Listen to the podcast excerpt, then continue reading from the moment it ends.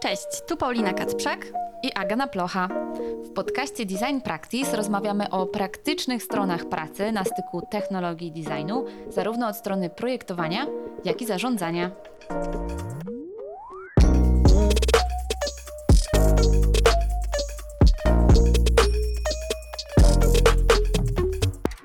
Tym odcinku porozmawiamy o tym, jak można rozwijać prężnie działający biznes w obszarze Augmented Reality, jak wejść w partnerstwo z największymi brandami, takimi jak Meta, TikTok czy Snapchat, jak wejść w świat AR jako designerzy czy ilustratorzy, jaki potencjał drzemie w tej dziedzinie i czym jest Metaverse. Naszą gościnią jest Zuza Śliwińska, współzałożycielka firmy Lenslist, która rozwija globalną społeczność twórców wokół Augmented Reality. Zuza zajmuje się m.in. zarządzaniem relacjami z partnerami takimi jak TikTok, Snapchat czy Meta.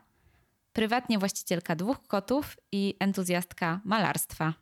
Cześć Zuza. Cześć Zuza. Cześć. Powiedz nam, co ostatnio czytałaś? Co ostatnio czytałam? Powiem wam, że chyba ostatnią książkę, którą skończyłam, to była Anomalia. Francuskiego autora, Letelier, czy coś takiego. Mm, generalnie bardzo fajna, fabularna powieść. Bardzo ciekawa struktura. Ja też na to patrzę z perspektywy osoby, która trochę pisze, więc może dlatego tak oceniam. Ale polecam. Taka trochę intelektualna, ale z żartem. Generalnie nie chcę super spoilować, ale e, samolot z Paryża do Nowego Jorku zaginął, ale nie zaginęli jego pasażerowie. Hmm. No dobra. No, a to o to pisanie to jeszcze cię w takim razie zapytamy, ale a, okay, najpierw, okay. najpierw cię wypytamy o cały kontekst. Jasne. Tak jest. Zuza, wiemy, że jesteś współzałożycielką firmy Lenslist. I chciałabyśmy, żebyś powiedziała naszym słuchaczkom i słuchaczom, czym ta firma jest, czym się zajmuje. Powiem tak, ta odpowiedź na to pytanie wcale nie jest taka prosta, jak mogłaby się wydawać, e, ponieważ Lenslist to tak naprawdę bardzo dużo różnych rzeczy w jednym, ale taki klucz, taki najważniejszy filar tego, co robimy, to jest budowanie społeczności twórców rozszerzonej rzeczywistości czyli osób, które tworzą na przykład filtry, które możecie widzieć na, na Instagramie, na TikToku, na Snapchacie, generalnie teraz na social mediach e, całkiem popularna rzecz. I w ramach tworzenia tej społeczności, no generalnie całość stoi kontentem, komunikacją, plus tworzeniem aktywacji typu challenge, konkursy dla właśnie dla kreatorów. Także generalnie no, community to jest to, to czym się zajmujemy. Okej, okay, super. To my jesteśmy w kwestii społeczności e, mocno zaangażowane. Ja bo wiem, budujemy, ja wiem. budujemy społeczność już od paru ładnych lat, od ośmiu co najmniej. E, no i ja, właśnie jak mówisz o tej społeczności, to bardzo mnie ciekawi, e, jaki macie model biznesowy, to znaczy jak finansujecie te działania? Tutaj też nie jest taka łatwa odpowiedź. Znaczy jest prosta, ale powiem tak, Lensis generalnie powstało bez w ogóle myśli o modelu biznesowym jakby to jest to totalnie passion project, ale od dwóch lat udało nam się rzeczywiście na tym zarabiać przez współpracę z platformami. A mówiąc o platformach, no to są to tacy no, najwięksi gracze, nie? Snap, Meta, TikTok, więc e, że tak powiem tutaj na polskie nasze warunki, jak przeliczamy wszystko z dolara na złotówkę, naprawdę wychodzi to spoko. E, także nasz główny model biznesowy to jest po prostu długoterminowe współprace, większe kontrakty z tymi platformami. Nie mamy póki co takiego super skalowalnego modelu, ale nad tym też generalnie pracujemy, bo w AR-ze i w całych tych technologiach, e, że tak powiem, przyszłości jest naprawdę mnóstwo, mnóstwo możliwości, a my już w tym trochę siedzimy, więc e, myślę, że z roku na rok tych, tych e, naszych modeli zarabiania pieniędzy będzie coraz, coraz więcej. Super. To ja jeszcze chciałam wrócić trochę do początków, bo powiedziałaś, że macie już doświadczenie w AR-ze. To jak się to wszystko zaczęło i skąd się w ogóle wziął pomysł, że zajmiesz się AR-em? Kiedy, kiedy to się stało i, i w jakich okolicznościach? Jasne, no to historia generalnie zaczęła się tak, że z 6 lat temu poszłam na staż do firmy, która tworzyła takie smart appki, gierki webowe, generalnie takie, wiecie, pod marketing, interaktywne formaty. I szefem tej firmy był Paweł Jarco, który jest też teraz moim wspólnikiem. Pozdrawiamy Pawła. Pozdrawiamy, pozdrawiamy Pawła. No i powiem wam tak, na przestrzeni tych sześciu lat zrobiliśmy naprawdę mnóstwo super ciekawych rzeczy.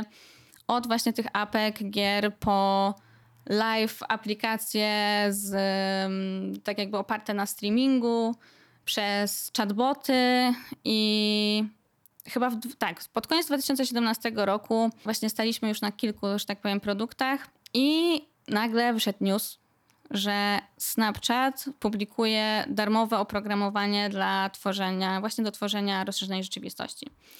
E, Jak to otworzyliśmy, okazało się, że to jest naprawdę super ciekawa rzecz. Przede wszystkim łączy już trochę to, co robiliśmy, czyli właśnie ten digital marketing i te takie bardziej interaktywne, ciekawsze formaty niż zwykłe, nie wiem, banerki.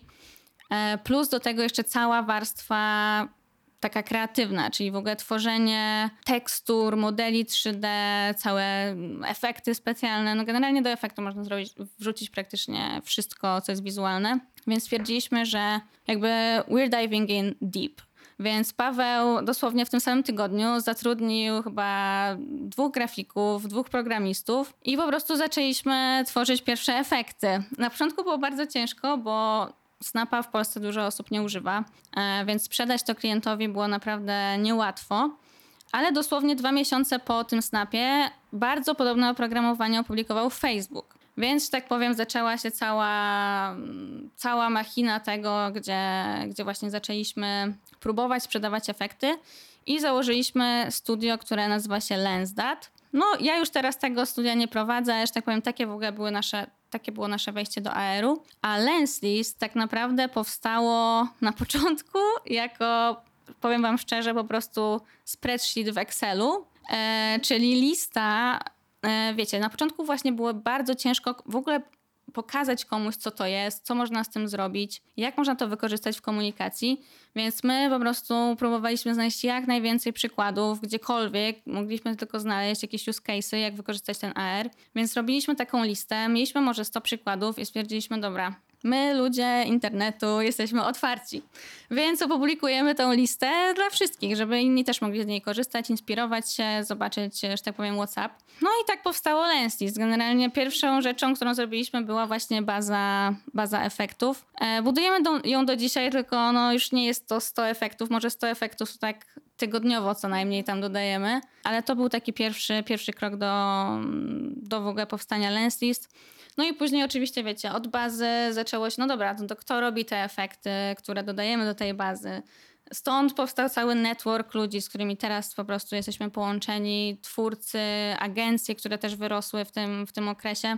No więc tak, tak jak za, zwykle właśnie mówię, że generalnie można naprawdę postawić biznes z jakby jednego ruchu, jednej potrzeby albo nawet jednego spreadsheeta. No, no właśnie, więc jakby mówisz, że e, z, twój wspólnik od razu zatrudnił tych dwóch grafików i dwóch programistów. E, mieliście tego spreadsheeta, e, mhm. więc powiedz jaka, żeby jakby pokazać jaka jest skala tego, co osiągnęliście przez te mhm. Kilka lat. Jak to wygląda teraz u was? Ile osób u was pracuje? Jak duża jest ta społeczność? W samym Lensis, nie liczę studia, bo, bo tam jest jeszcze więcej osób niż, niż w Lenslist. E, w samym Lenslist mamy teraz 17 osób, e, ale z zaznaczeniem, że dosłownie rok temu było ich 5. W sensie ten, ten wzrost był naprawdę przez ostatni rok na maksa intensywny. E, wcześniej, bo Lenslist w sumie powstało na początku 2018, wcześniej to był serio grind. Jakby kilkoma osobami tworzyliśmy tą bazę, zaczęliśmy bloga, tworzyliśmy content. E, no ale były to powiedzmy dwa artykuły tygodniowo max. E, teraz wrzucamy dwa e, artykuły plus jeszcze jakieś storiesy, reele, wszystko co, co można wymyślić kilka razy dziennie. Więc po prostu rozrosło się to dosyć mocno. No i rozrosła, się też społeczność, bo na początku, no to serio, to była mega mała grupka ludzi, mimo że jest to globalna społeczność, bo na przykład w ostatnim naszym konkursie wzięło udział wzięły udział osoby z 66 różnych krajów. Nie, nie wiem, czy byłabym w stanie wam wymienić te 66 krajów, tak, top of my head, ale, ale jest to naprawdę globalna społeczność.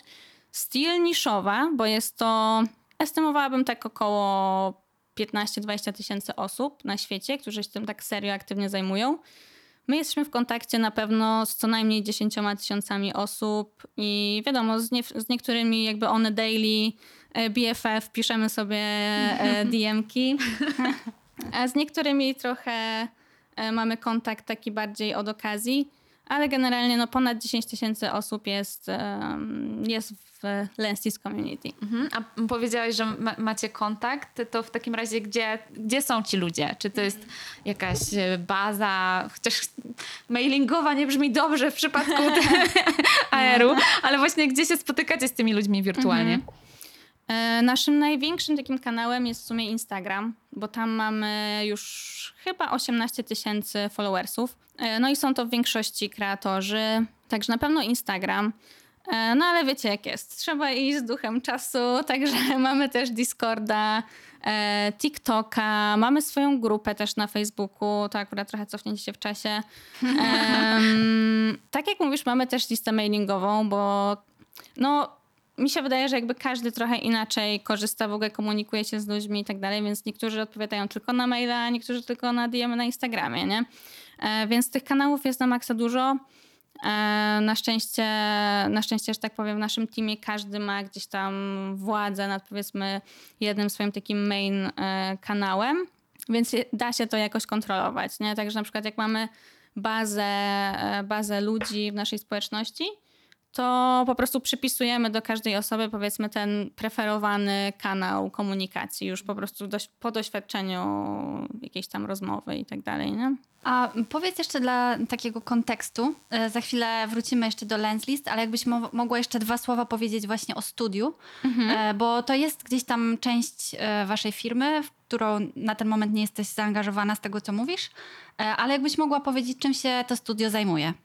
E, jasne, no w, w studiu mogę wam też powiedzieć wszystko, bo że tak powiem przerabiałam temat, e, ale w studio e, przede wszystkim mamy dwie grupy osób.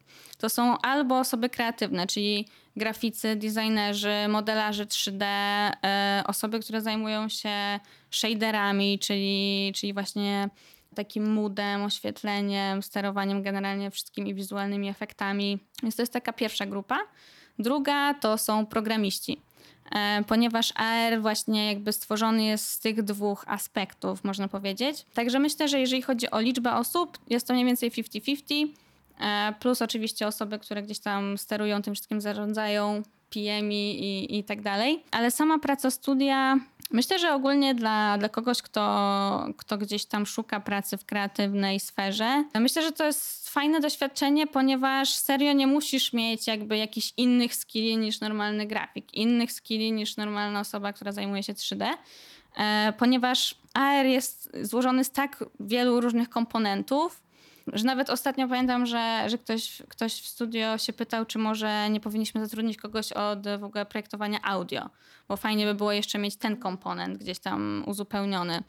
Także naprawdę jest to bardzo taka różnorodna zgraja umiejętności i, i ludzi. Fajnie, no bo gdzieś tam finalnie się to składa na, na jeden taki interaktywny format, który też w sumie skupia się na użytkowniku, nie, nie tylko na, na po prostu samej tej formie, tylko ma to gdzieś tam być interaktywne i urozmaicać potem tworzony content.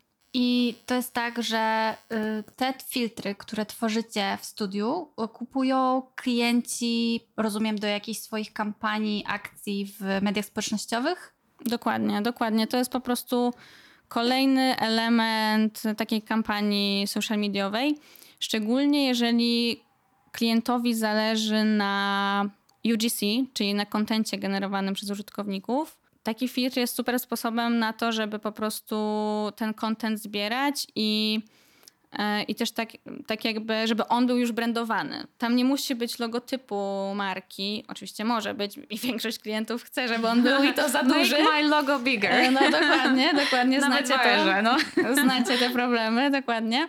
My, za, my zazwyczaj jednak staramy się przemówić trochę klientom właśnie e, do rozumu na takiej zasadzie, że no ten sam efekt już wystarczy. Jeżeli tam będzie, nie wiem, twoja szata graficzna, coś rozpoznawalnego z kampanii, po prostu ludzie tego dużo chętniej będą używać. I AR też, jakby social media to jest wiadomo jeden aspekt, ale też bardzo fajnym nośnikiem dla AR-u są kampanie z influencerami. Bo, bo tak jakby no, dlaczego w sumie ktoś miałby użyć filtra, który jest po prostu na profilu marki? Jakby jak często w ogóle ktoś wchodzi na profil marki, nie? Dlatego zazwyczaj my zalecamy klientom dobranie sobie chociaż jednego, dwóch influencerów, którzy się w tym efekcie pokażą i po prostu zachęcą innych, żeby nagrali coś podobnego. Coś takiego zdecydowanie najlepiej, najlepiej żre na TikToku, no bo tam te challenge i wyzwania są po prostu, wiecie, e, non-stop i też są po prostu bardzo ciekawe. W sensie to jest e, ta platforma, która się do tego nadaje. E, Także, także no, klienci generalnie kupują AR jako element kampanii. A mogłabyś zdradzić, do jakich klientów pracowaliście w ramach studio? E, Oj, bardzo, bardzo dużo. E, Od Netflixa po na przykład z polskich marek Reserved, Puma, Adidas.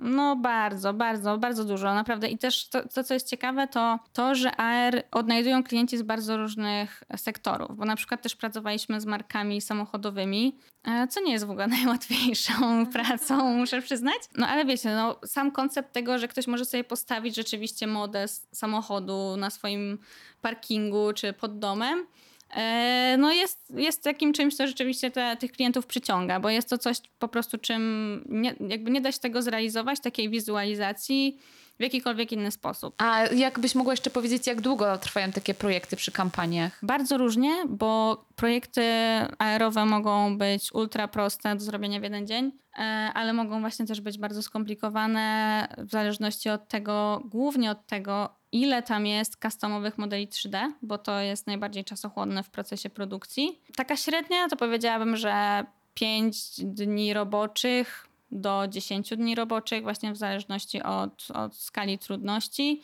No i też w sumie w zależności od e, skali humoru e, klienta, ale no to myślę, że każdy, każdy, że tak powiem, w branży kreatywnej zna e, rundy poprawkowe i ich nieskończoność czasami. Super, to jest w ogóle mega ciekawy obszar do eksploracji dla osób, które do tej pory zajmowały się na przykład e, projektowaniem graficznym e, w Totalnie. naszej społeczności, e, więc jeszcze Cię na pewno o to podpytamy. Jak to robić? Jak Jak, to robić. Mhm. E, Ale właśnie wróćmy jeszcze trochę, e, znaczy nawet nie trochę, bardzo do Lens List, E, więc wiemy jak funkcjonuje studio, a e, jakbyś mogła powiedzieć, e, bo organizujecie różne aktywności dla tej społeczności twórców, żeby rozprzestrzeniać tą ideę tworzenia filtrów. I powiedz, y, jak to się dzieje, jak te firmy typu właśnie Facebook, czy Instagram, czy TikTok, czy Snapchat, dlaczego im tak bardzo na tym zależy? Y, Dlaczego oni są w stanie wam za to płacić? Pierwsza taka podstawowa potrzeba platform to jest to, że ten ich software jest nowy, cały czas ulepszany, więc potrzebują ludzi, którzy po prostu będą go testować, będą z niego korzystać i też będą z niego korzystać, że tak powiem, to the max, czyli wykorzystując rzeczywiście e, zaawansowane funkcje, które szczerze mówiąc nie zawsze żrą jako chcesz mieć viral effect i chcesz, żeby twój profil na Instagramie zyskał ileś tam followersów, e, bo zazwyczaj tego typu efekty mają filtry, które są dosyć proste, które, które są albo jakieś memiczne, albo po prostu gdzieś tam upiększają wszystko to, co jest dookoła. A takie naprawdę zaawansowane filtry, to możecie tam wrzucić komponent machine learningu, e, rozpoznawania przestrzeni, e, dodawania rzeczywiście e, realistycznej fizyki, czyli na przykład zrzuciłabym teraz tą szklankę i ona by się rzeczywiście rozbiła o podłogę, nie? E, więc albo na przykład e, taki 3D body tracking, czyli po prostu moż, możemy serio kogoś ubrać w AR-ze. Także te takie funkcjonalności już bardziej zaawansowane, często po prostu bez takich dodatkowych działań właśnie naszych, e, motywujących kreatorów, nie byłyby aż tak szeroko po prostu używane. Więc to jest na pewno taka pierwsza podstawowa potrzeba. Dwa, oni po prostu między sobą jakby konkurują na, te, na to, ile osób tam, mm, tam rzeczywiście działa, kto działa w AR-ze i na danej platformie. Chcieliby na, na pewno, żeby w ogóle mieć wyłączność na niektórych kreatorów. E, My jesteśmy odwrotnego zdania. Chcielibyśmy, żeby wszyscy kreatorzy mogli korzystać z, z jakby ze wszystkiego i, i mieć skilla w każdym tym softie. Więc to jest, to jest też nasza ogromna siła, bo oni mają jakby ograniczoną komunikację do osób, które akurat korzystają już z tego, co, co oni przynieśli, ten software, a my mamy dużo szerzej zakrojoną um, tą naszą społeczność, e, więc to też jest na pewno to, co ich do, nich, do nas przyciąga. Plus niektóre, niektóre duże firmy mają duży problem z ciekawym kontentem i z bezpośrednią komunikacją jak do nas ktoś się odezwie, nie wiem, na Instagramie czy coś takiego, dostanie pewnie odpowiedź w przeciągu godziny, chyba że jakby śpimy.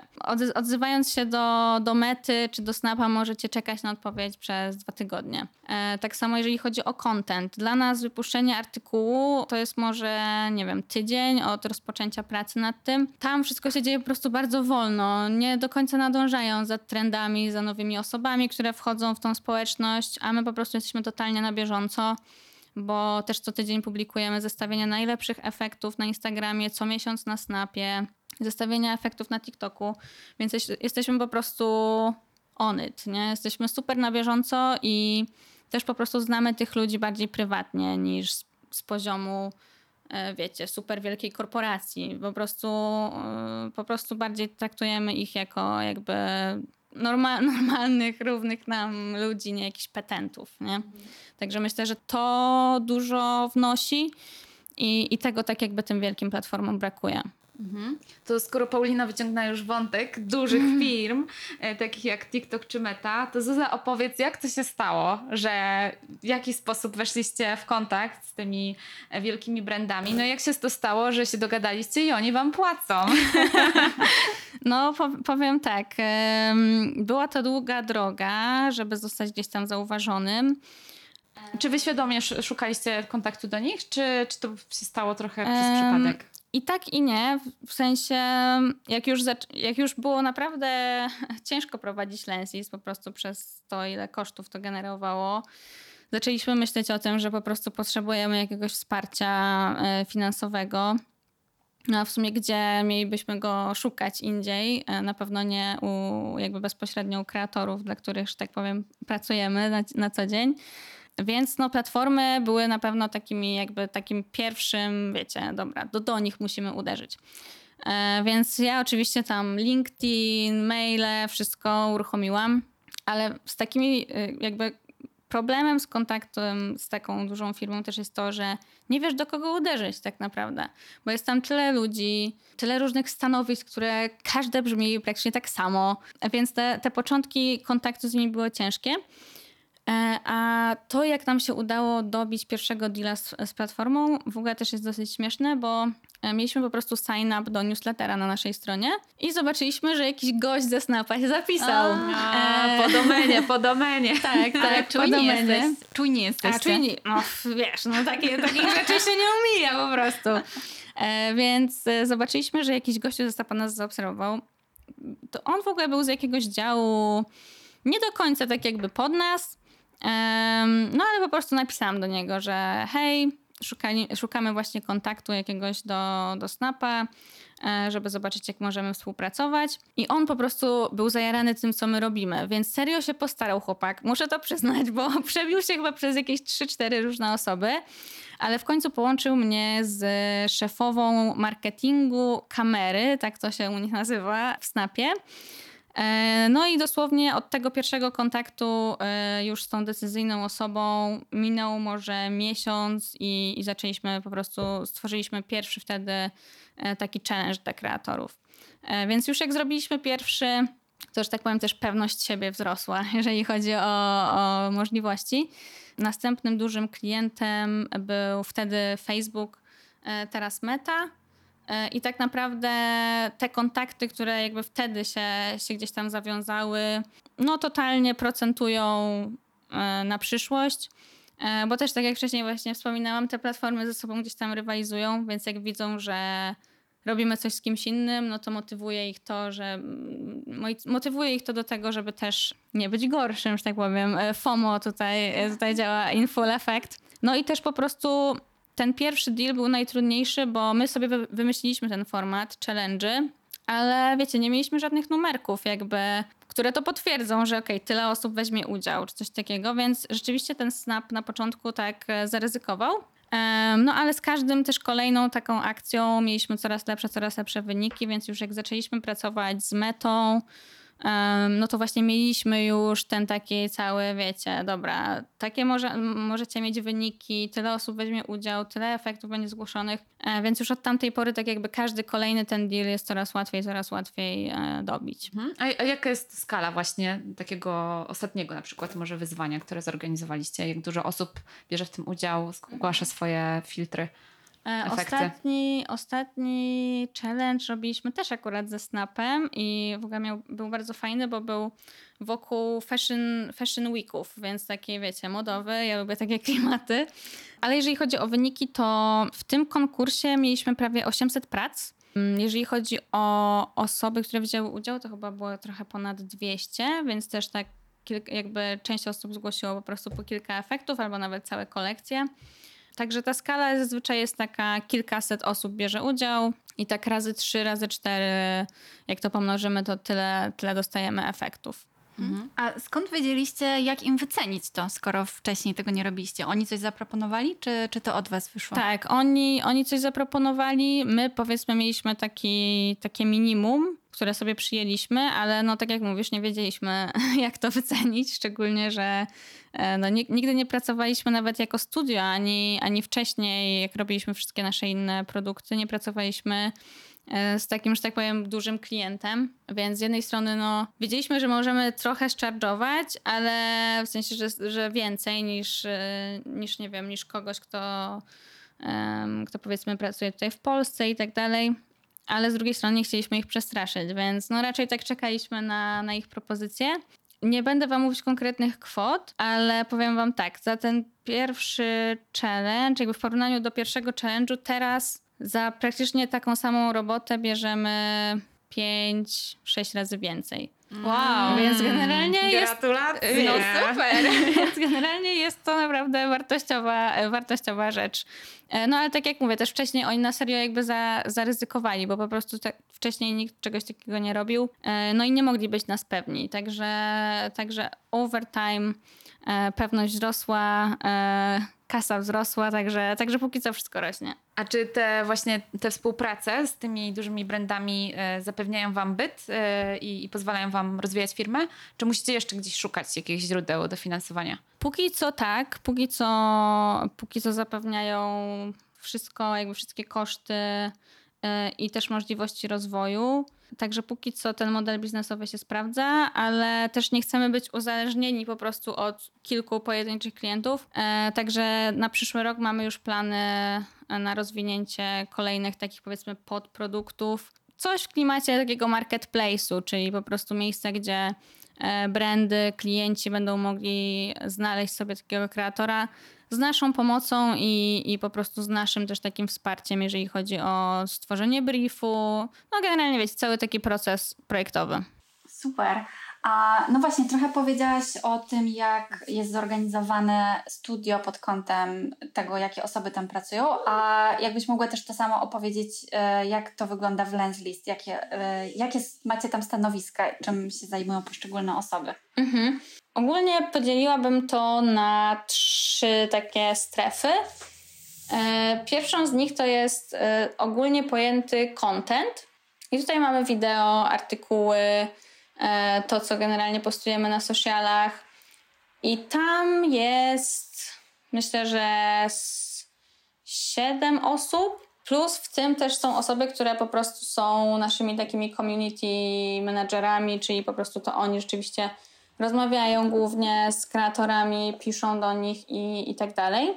Drugą taką działką jest e, design team, czyli ludzie, którzy robią dla nas, no wiadomo, wszystko, co jest potrzebne do kontentu. E, plus jeszcze mamy taki fashion project w Lensis, gdzie robimy e, galerie wirtualne, takie full w 3D, więc też ten design team się tym zajmuje, bo to są już takie projekty naprawdę no, powiedziałabym pojechane i jakby nie, nie dla klienta czy coś takiego, tylko po prostu stwierdziliśmy, że to, to jest fajne.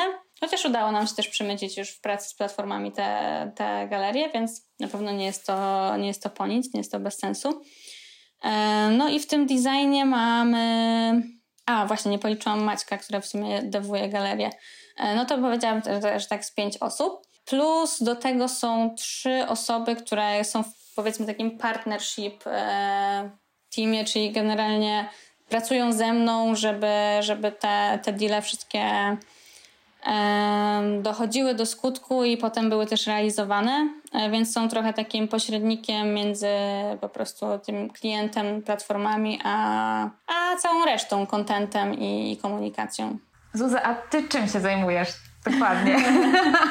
Jak wygląda twój dzień? E, To jest dobre pytanie. E, Ja w teorii mam e, stanowisko na LinkedInie, możecie sprawdzić, jest e, COO, czyli Sounds Very Important.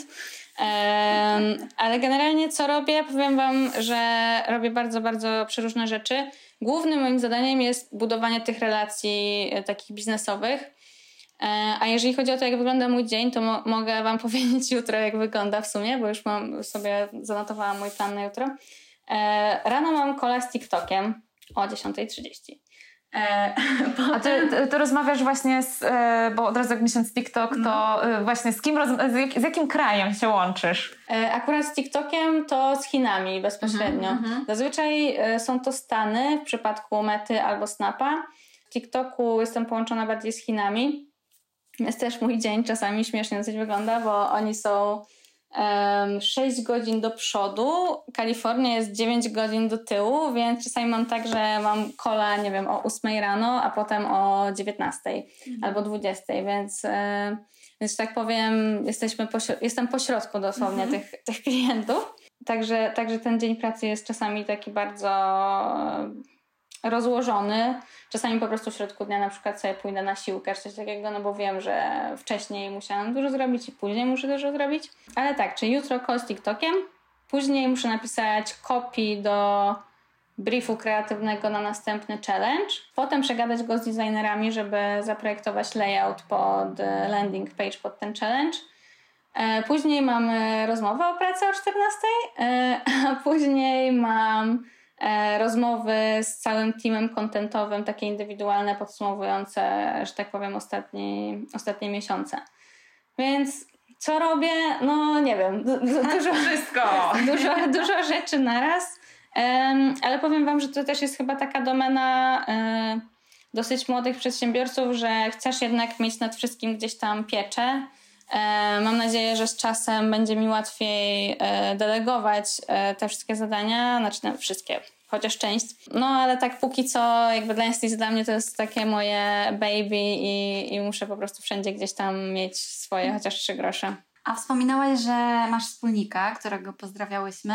Jak się między sobą dzielicie pracą? Mhm. Czy jeszcze może jakichś wspólników macie? E, nie, jesteśmy w Lensie, jesteśmy we dwójkę i Paweł też jest udziałowcem studia, więc jego praca jest podzielona pomiędzy te dwie firmy. W sumie my się tak śmiejemy zazwyczaj, że my działamy trochę na takiej zasadzie, że ja jestem frontendem, a Paweł jest backendem. Czyli ja jakby muszę ze wszystkimi gadać, wiecie, negocjować, przedyskutować i tak dalej, a Paweł generalnie załatwia wszystkie takie rzeczy, których nie do końca widać, ale są super ważne, żeby wszystko stało na nogach, nie? Także on na pewno dogaduje wszystkie e, sprawy związane z pracownikami, jakby tak wewnętrznie, żeby wszystko grało. E, pilnuje bardzo dużo takich formalności, do których ja totalnie jakby nie mam głowy. E, także jakby dzięki Paweł, że, że przejmujesz e, dużą część brudnej roboty za mnie. Wspomniałaś, super, dzięki. Wspomniałaś, że mm, właśnie mm, pracują u Was designerzy.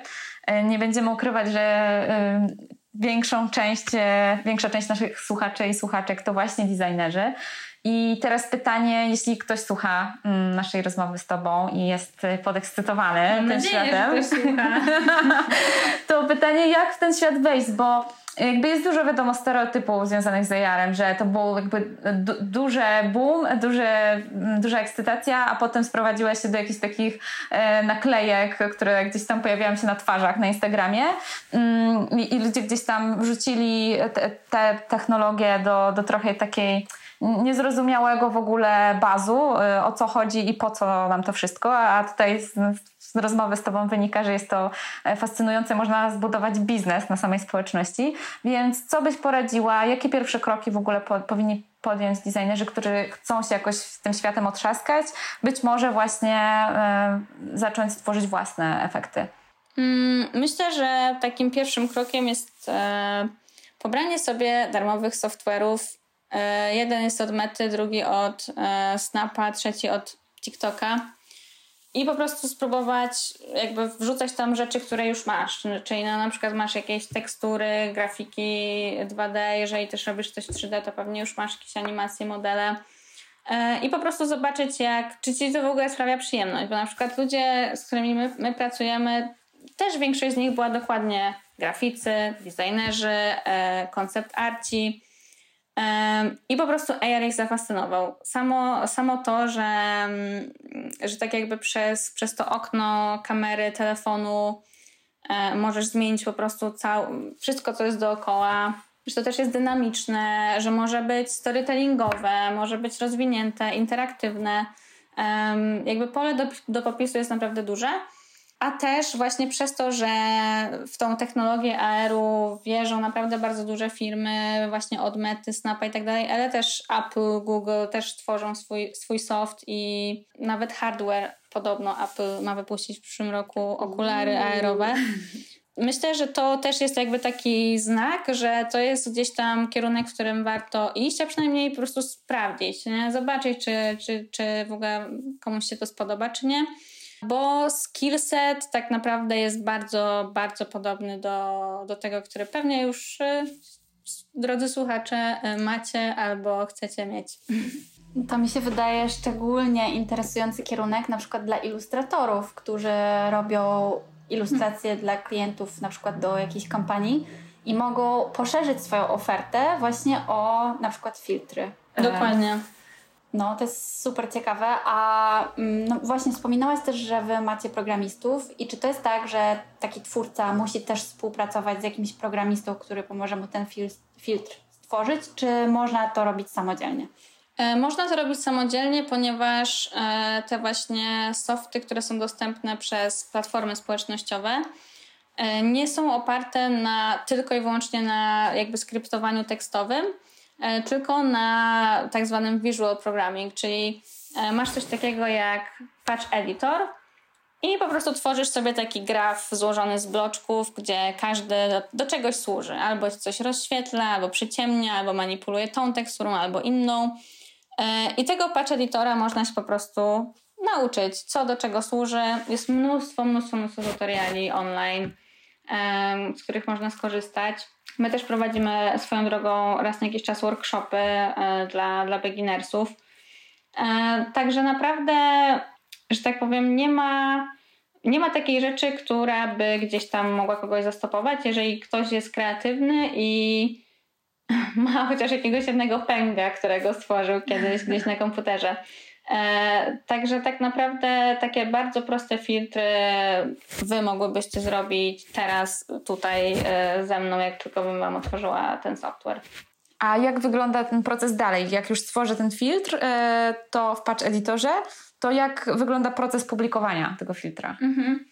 No to jest właśnie główna zaleta korzystania z tych softów jakby dostępnych przez platformy bo są, jest to, są też inne jakby technologie, inne programy nie podpięte pod żadną platformę społecznościową. A wymieniłabyś, jakie to są?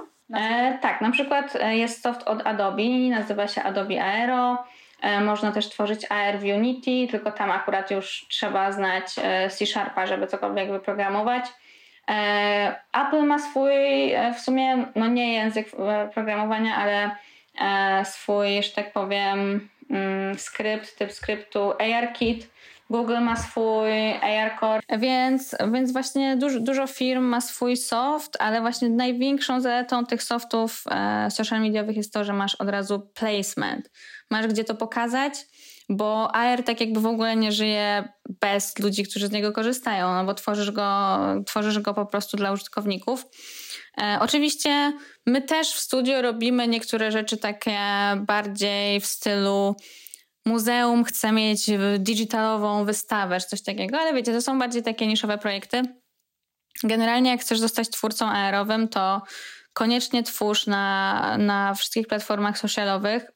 Bardzo polecam TikToka, chociaż wiem, że ten soft nie jest na, e, najłatwiejszy, ale tam po prostu no, te efekty, nie wiem, to jest po prostu platforma stworzenia, stworzona pod to, bo e, sam ten content TikTokowy z założenia ma być memiczny, śmieszny, mają to być jakieś gagi, skecze, e, no i efekty się tam, tam super sprawdzają. I sam proces publikacji tak naprawdę no jest bardzo, bardzo prosty, bo publikujesz to w tym samym softie, w którym to tworzysz, więc po prostu jak już skończysz, na przykład e, jeżeli chodzi o metę, e, masz na swoim koncie na Facebooku coś takiego jak Spark Manager i tam po prostu wrzucasz plik, e, plik z efektem, tak zwany, tak zwany plik AR Export. Piszesz, nie wiem, nazwę, wrzucasz jakąś ikonę i później wrzucasz go do weryfikacji przez, um, przez moderację. Oni tam sprawdzają, wiecie, no klasyczne rzeczy, czy nie jest, nie wiem, wulgarny, czy e, po prostu czy nie łamie jakichś zasad społeczności e, Instagrama, Facebooka i tak dalej. E, to zazwyczaj trwa dzień, maksymalnie może to trwać do tam trzech dni, e, ale zazwyczaj 24 godziny to jest maks. No i po, tych, po tym jednym dniu twój, twój efekt już jest u ciebie na profilu. Jeżeli chcesz publikować profile dla marki, znaczy, sorry, efekty dla marki, to naj, najłatwiejszym rozwiązaniem jest to, że e, taka marka może ci dać dostęp do swojego profilu jako Spark Manager. Więc po prostu wtedy nie ma żadnych innych dostępów, e, nikt nie będzie się tam martwił, że komuś odpiszesz na wiadomość. E, możesz tylko dodać efekt. E, także generalnie proces publikacji też jest, też jest taki bardzo intuicyjny. Mhm. A e, jeszcze jedno pytanko, bo y, powiedziałaś o tym, że proces jest prosty, można łatwo zostać kreatorem to ile się czarczuje za takie projekty dla klientów i czy w ogóle można być takim freelancerem, takim kre e, freelancerem, kreatorem. E, weźmy na to, że właśnie ktoś z naszej społeczności wchodzi w ten świat, zaczyna sobie robić pierwsze filtry, e, dostaje jakiegoś, łapie jakiegoś klienta. Jak wycenić taką mhm. pracę? E, powiem tak, przez to, że to jest globalna społeczność, to te ceny są bardzo różne, też biorąc pod uwagę szerokość geograficzną. E, znam osoby na przykład w Brazylii, które charge'ują za e, efekt e, na przykład 100 dolarów, podczas gdy za tyle pieniędzy na przykład, no już nawet u nas w Polsce, no nikt by nie zrobił efektu. Znam też osoby, które na przykład w Stanach charge'ują 20 tysięcy dolarów za efekt. Wow. Także rozstrzał jest ogromny. E, również dlatego, że jakby możliwości tych efektów są bardzo szerokie, więc możesz, można zrobić naprawdę bardzo prosty, ale też bardzo skomplikowany efekt. E, myślę, że taka średnia w Polsce to jest e, pewnie między 10 a 20 tysięcy złotych. Na początku oczywiście, no tak samo nasze studio, charge'owaliśmy trochę mniej, bo to nie było w ogóle jeszcze popularne. No ale myślę, że spokojnie za jeden taki projekt kilka tysięcy można, można przytulić, a biorąc pod uwagę, że byłby to na przykład tylko, byłaby to tylko część waszej jakby oferty, e, no to wiecie, macie już w sumie całe, wszystkie asety już macie stworzone wcześniej na potrzeby właśnie tej ilustracji, czy, czy baneru, czy, czy po prostu innej kreacji. I po prostu montujecie to w formie, w formie efektu i macie dodatkowe kilka koła na koncie. Także myślę, że jest to całkiem, całkiem fajna akcja. A czy to jest tak, że jeżeli na przykład klient chce mieć taki efekt zarówno na TikToku, jak i na Instagramie i na Snapchacie, to muszę stworzyć e, te efekty w trzech osobnych programach, czy mogę stworzyć w jednym i później już po prostu powrzucać na te platformy? Mm, musisz to zrobić w trzech różnych, niestety, e, bo po prostu ten proces publikacji też właśnie jest uzależniony od, od placementu na platformie. Ale e, powiem tak, Oczywiście też te platformy się różnią między sobą, jeżeli chodzi o możliwości, bo na przykład e, na Snapie możesz, e, tak jak wspominałam, zrobić cały fashion look, 3D e, ubrania i tak dalej, możesz po prostu kogoś ubrać. Na Instagramie na przykład tego w ogóle jeszcze nie ma. Więc możliwości też się różnią między platformami. Ale powiem tak, z perspektywy naszego studia, to na przykład jak robimy efekt na dwie platformy, to za tą drugą platformę charge'ujemy tak między 30 a 50% tej oryginalnej ceny. E, więc jest to jakaś dodatkowa praca, ale na pewno nie jest to tyle pracy, jakbyście robili jeszcze raz kolejny efekt. Bo no wiadomo, macie już właśnie te wszystkie asety, które chcecie użyć. Kwestia poukładania tego ze sobą na, na innej platformie. A jak e, edukujecie ludzi i edukujecie tą społeczność, e, żeby sami robili swoje efekty, to e, nie widzicie tego jako na przykład wychowywanie sobie konkurencji do waszego studia? Mm, często, często dostajemy takie pytanie, szczególnie właśnie, że e, no jakby studio jest za, za ścianą, za drzwiami. Ale powiem ci, że, że nie. I co mnie cieszy, to to, że mamy też kontakt z wieloma innymi agencjami i oni też tego tak zazwyczaj nie postrzegają, bo jakby internet jest serio duży. Jakby jest miejsce tam dla nas wszystkich. E, AR jest nadal dosyć niszowym, niszowym tematem. Na przykład w Polsce bardzo, bardzo mało ludzi się tym zajmuje. E, więc nie mamy za dużo konkurencji tak lokalnie, ale tak naprawdę ta technologia jest jeszcze na takim etapie, że ją trzeba po prostu spopularyzować. A żeby to zrobić, potrzebujemy ludzi, którzy będą się tym zajmować, którzy będą ją odkrywać, którzy będą e, wymyślać jeszcze nowe rzeczy. Także póki co taki, taki jest nasz cel i, i wydaje mi się, że długo tak jeszcze będzie, bo, bo po prostu wszystkie takie technologiczne gdzieś tam e, nowości rozwijają się zazwyczaj na przestrzeni powiedzmy 10 lat, żeby rzeczywiście osiągnąć jaką, jakąś taką powiedzmy połowiczną dojrzałość. No nawet jak sobie pomyślicie o tych wszystkich marketingowych formatach, które są na Facebooku, nie wiem, proste grafiki, wideo, to są wszystko rzeczy, które mają e, setki lat tak naprawdę, po prostu są umieszczone w internecie. Także, także wydaje mi się, że, że nie ma się czego bać. I no tak naprawdę zależy nam, żeby, żeby to się wszystko rozwijało, więc, więc kibicujemy każdemu, kto, kto wchodzi w AR. Super. A powiedz Zuza, jakie są takie mm, najnowocześniejsze trendy, jeśli chodzi o e, AR? E, wspomniałaś o tym, że można robić naprawdę super bajery, też wykorzystując machine learning.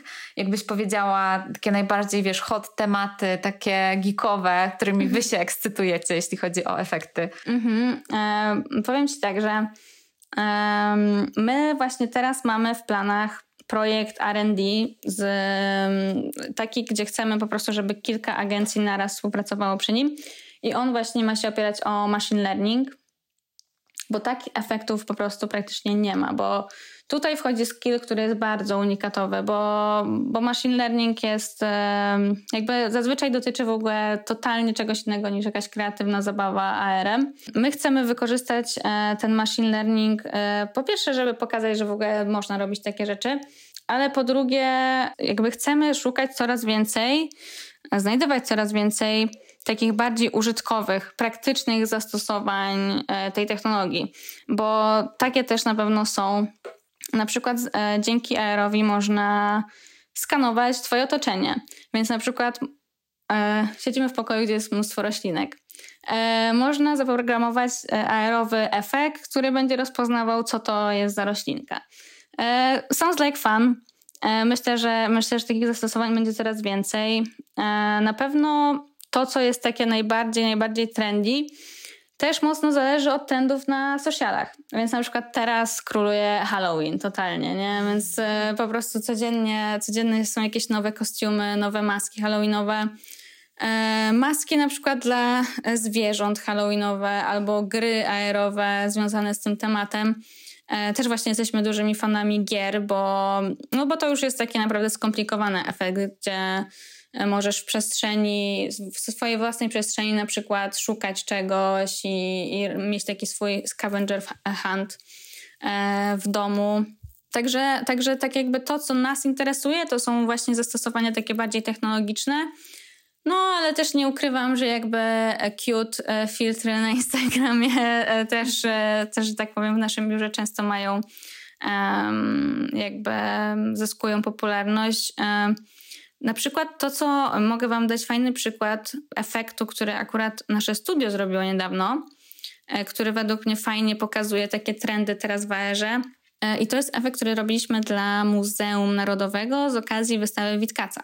O. I ten efekt, e, no dosłownie zamieniał Was w postać z obrazu Witkaca.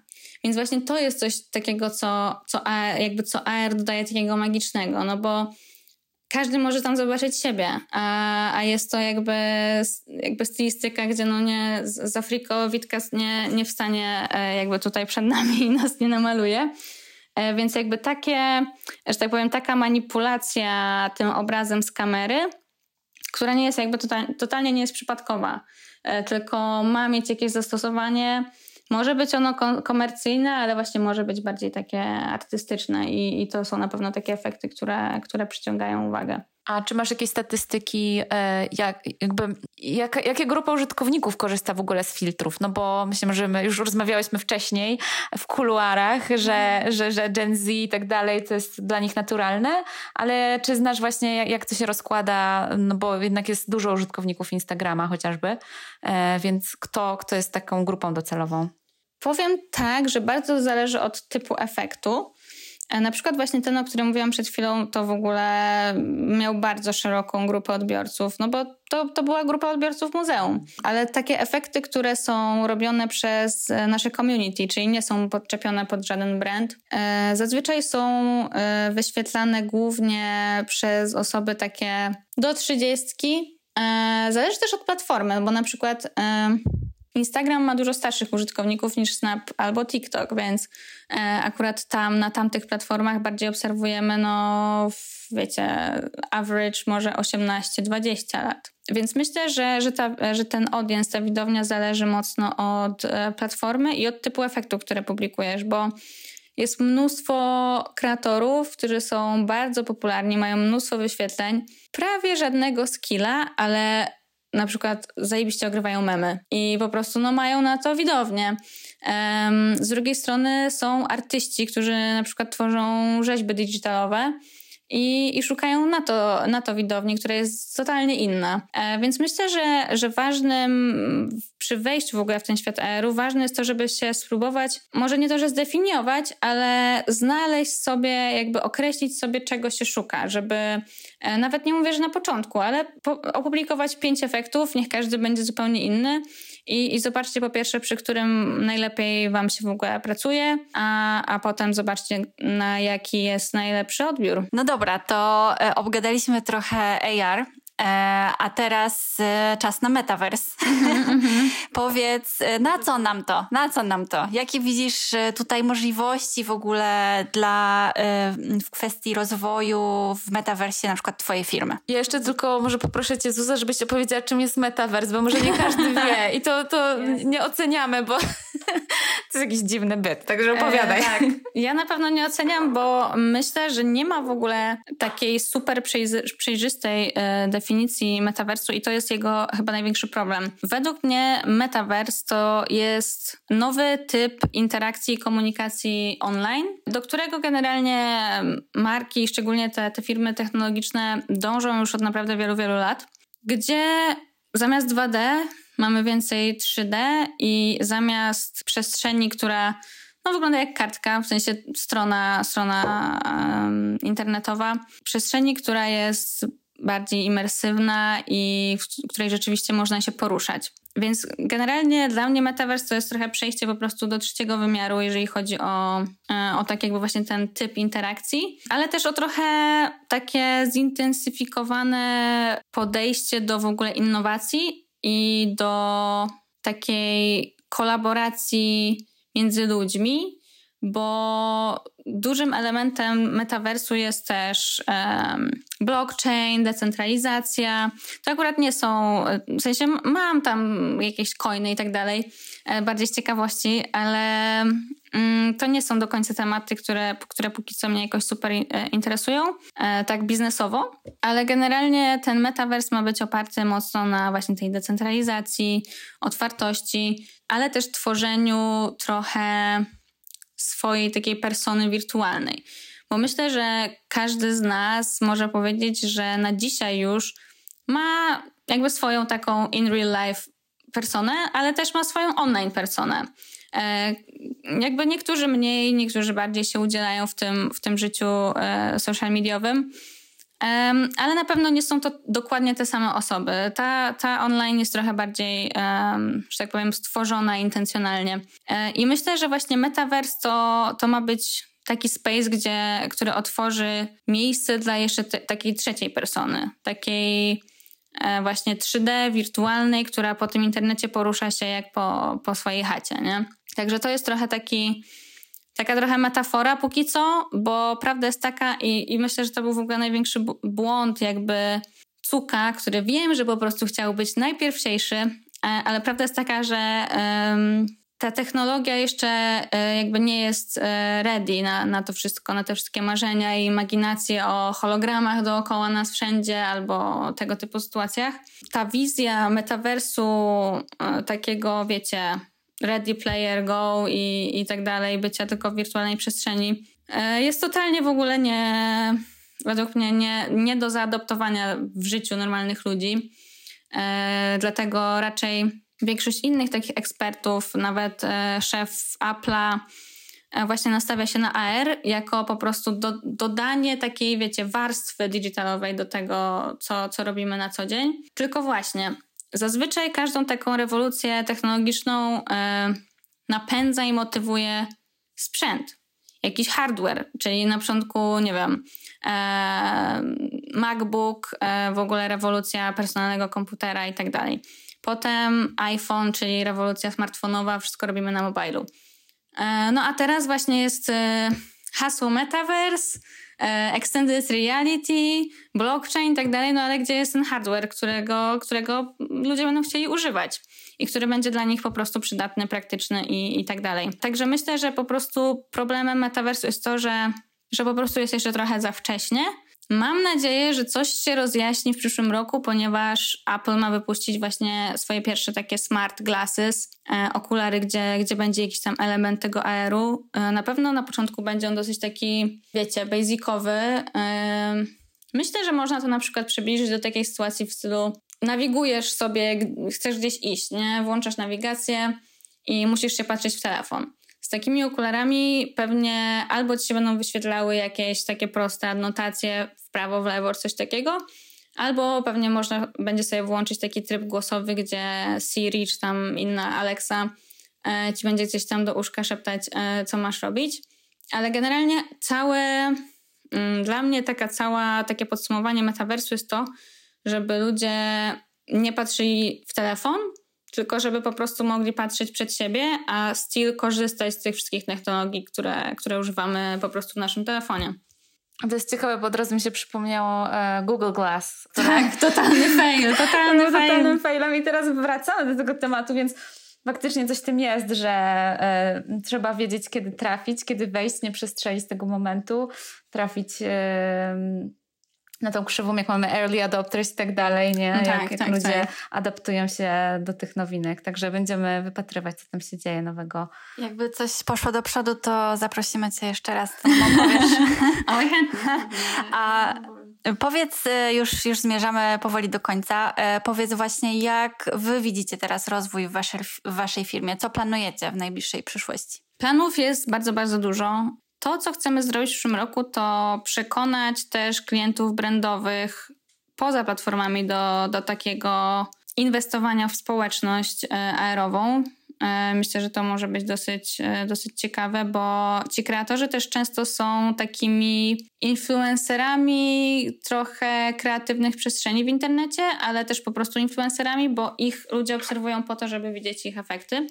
Także namówienie, namówienie brandów na, e, na inwestycje właśnie w społeczność i potraktowanie tej, tej społeczności bardziej jako właśnie influencerów, ale też no jednak takich fajniejszych influencerów, no też tworzących influencerów, e, takich bardzo kreatywnych. Myślę, że to, to może być ciekawe. Inna rzecz to, to chyba wspominałam wam już o tym marketplace'ie, więc będziemy budować jakby w ogóle taką warstwę strony, gdzie kreatorzy będą mogli się zalogować, zbudować sobie portfolio um, i chcemy mieć po prostu taki, taki search, w którym każdy będzie mógł właśnie sobie stworzyć tam swój profil, a marki będą mogły um, tych ludzi po prostu znaleźć. E, do tego oczywiście jest bardzo duże takie, wiecie, zaplecze bazodanowe potrzebne, no bo musimy określić każdego skill, czym jest dobry, jakiego typu efekty robi i tak dalej, więc tutaj tej pracy jeszcze takiej backgroundowej jest, e, jest sporo,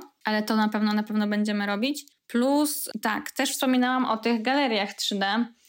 E, No i tutaj mamy w planach w ogóle odpalenie swojej aplikacji takiej VR-owej, więc to jest, może nawet do końca roku się uda to zrobić i, i to gdzieś tam chcemy, chcemy powiększać. A, no i jeszcze w, w grudniu mamy plan odpalić w ogóle zupełnie nową wersję naszej strony, także O, to jest taki to- najbliższy update i, i mega duży, bo, bo serio nad tą stroną e, pracujemy już chyba rok, więc, więc to jest taki największy, największy update, najbliższy. Super, to wiemy, co się będzie działo w Lenslist. To a Zuza, powiedz jeszcze, na czym ty chciałabyś się skupić e, w tych nadchodzących miesiącach czy roku na rozwoju jakich umiejętności? umiejętności. E, wiecie co, ja mam, mimo że robię, robiłam to już setki razy, mam problem nadal z takim public speakingiem, e, a coraz więcej mnie coraz więcej zaproszeń dostaję na jakieś takie konferencje, eventy i tak dalej. No a still nadal mam jakby e, mokre ręce przed wejściem e, na takie, na takie eventy, jak muszę coś mówić przed, e, przed wieloma osobami. Więc myślę, że to jest coś, nad czym chciałabym pracować. E, To delegowanie to jest e, na pewno duża, duża rzecz, która ułatwiłaby mi e, życie i na pewno też dobrze wpłynęła na, na biznes. I wiecie co? Chciałabym tak się trochę lepiej nauczyć chillować, bo pewnie same wiecie, jak, jako jakby bizneswoman i tak dalej, czasami jest ciężko wyłączyć ten, ten, tą część mózgu, która, która odpowiada za, za, za firmę. Em, więc też liczę, że nie wiem, że znajdę jakieś, jakąś e, wewnętrzną buddę w sobie i, i nauczę się lepiej, lepiej chillować. Oj tak, życzymy Ci tego. My jesteśmy świeżo po kampanii naszego nowego, e, nasz, drugiej edycji naszego kursu Digital Designer. Właśnie, właśnie. Tak, i po prostu e, mega nas to pochłonęło i czujemy bardzo dużą też potrzebę takiego resetu i, i szukania odpoczynku, więc totalnie z nami to rezonuje. Także super, że kończymy podcast. Pojawiło się du- mega dużo ciekawych haseł i w ogóle wielkie dzięki Zuza. Mamy nadzieję, że, że słuchacze i słuchaczki są zainspirowani, bo my bardzo. Bardzo. I zaraz się zabieramy za testowanie Twoich ulubionych filtrów. E, No, Polecimy coś na pewno na, na naszym Instagramie, bo TikToka jeszcze nie mamy. Ale, tak, Coming bo- soon, coming coming soon. Ale super, że też pojawił się ten wątek odpoczynku, bo to ważne. AR super, fajnie, efekty, ale ta głowa musi też odpocząć jednak Dokładnie. no, w naturze. Work-life balance, e, digital i in real, in real life balance, e, to, to myślę, że jest dosyć, dosyć ważne. Super, to dzięki wielkie Zuza. I Dzięki. mam nadzieję, że do zobaczenia niedługo w kolejnym odcinku o Metaverse. O tak, tak, musimy, musimy to jakoś rozłożyć na czynniki pierwsze. Dobra. Dzięki. Bardzo dziękujemy Ci za wysłuchanie tego odcinka. Notatki i linki do niego znajdziesz na naszej stronie designpractice.pl ukośnik 017. A jeśli podoba Ci się nasz podcast, koniecznie zasubskrybuj go w swojej ulubionej platformie podcastowej albo na YouTubie. Będziemy też bardzo wdzięczne za feedback w postaci komentarza. A na nowe odcinki możesz liczyć w każdy pierwszy i piętnasty dzień każdego miesiąca. Do usłyszenia!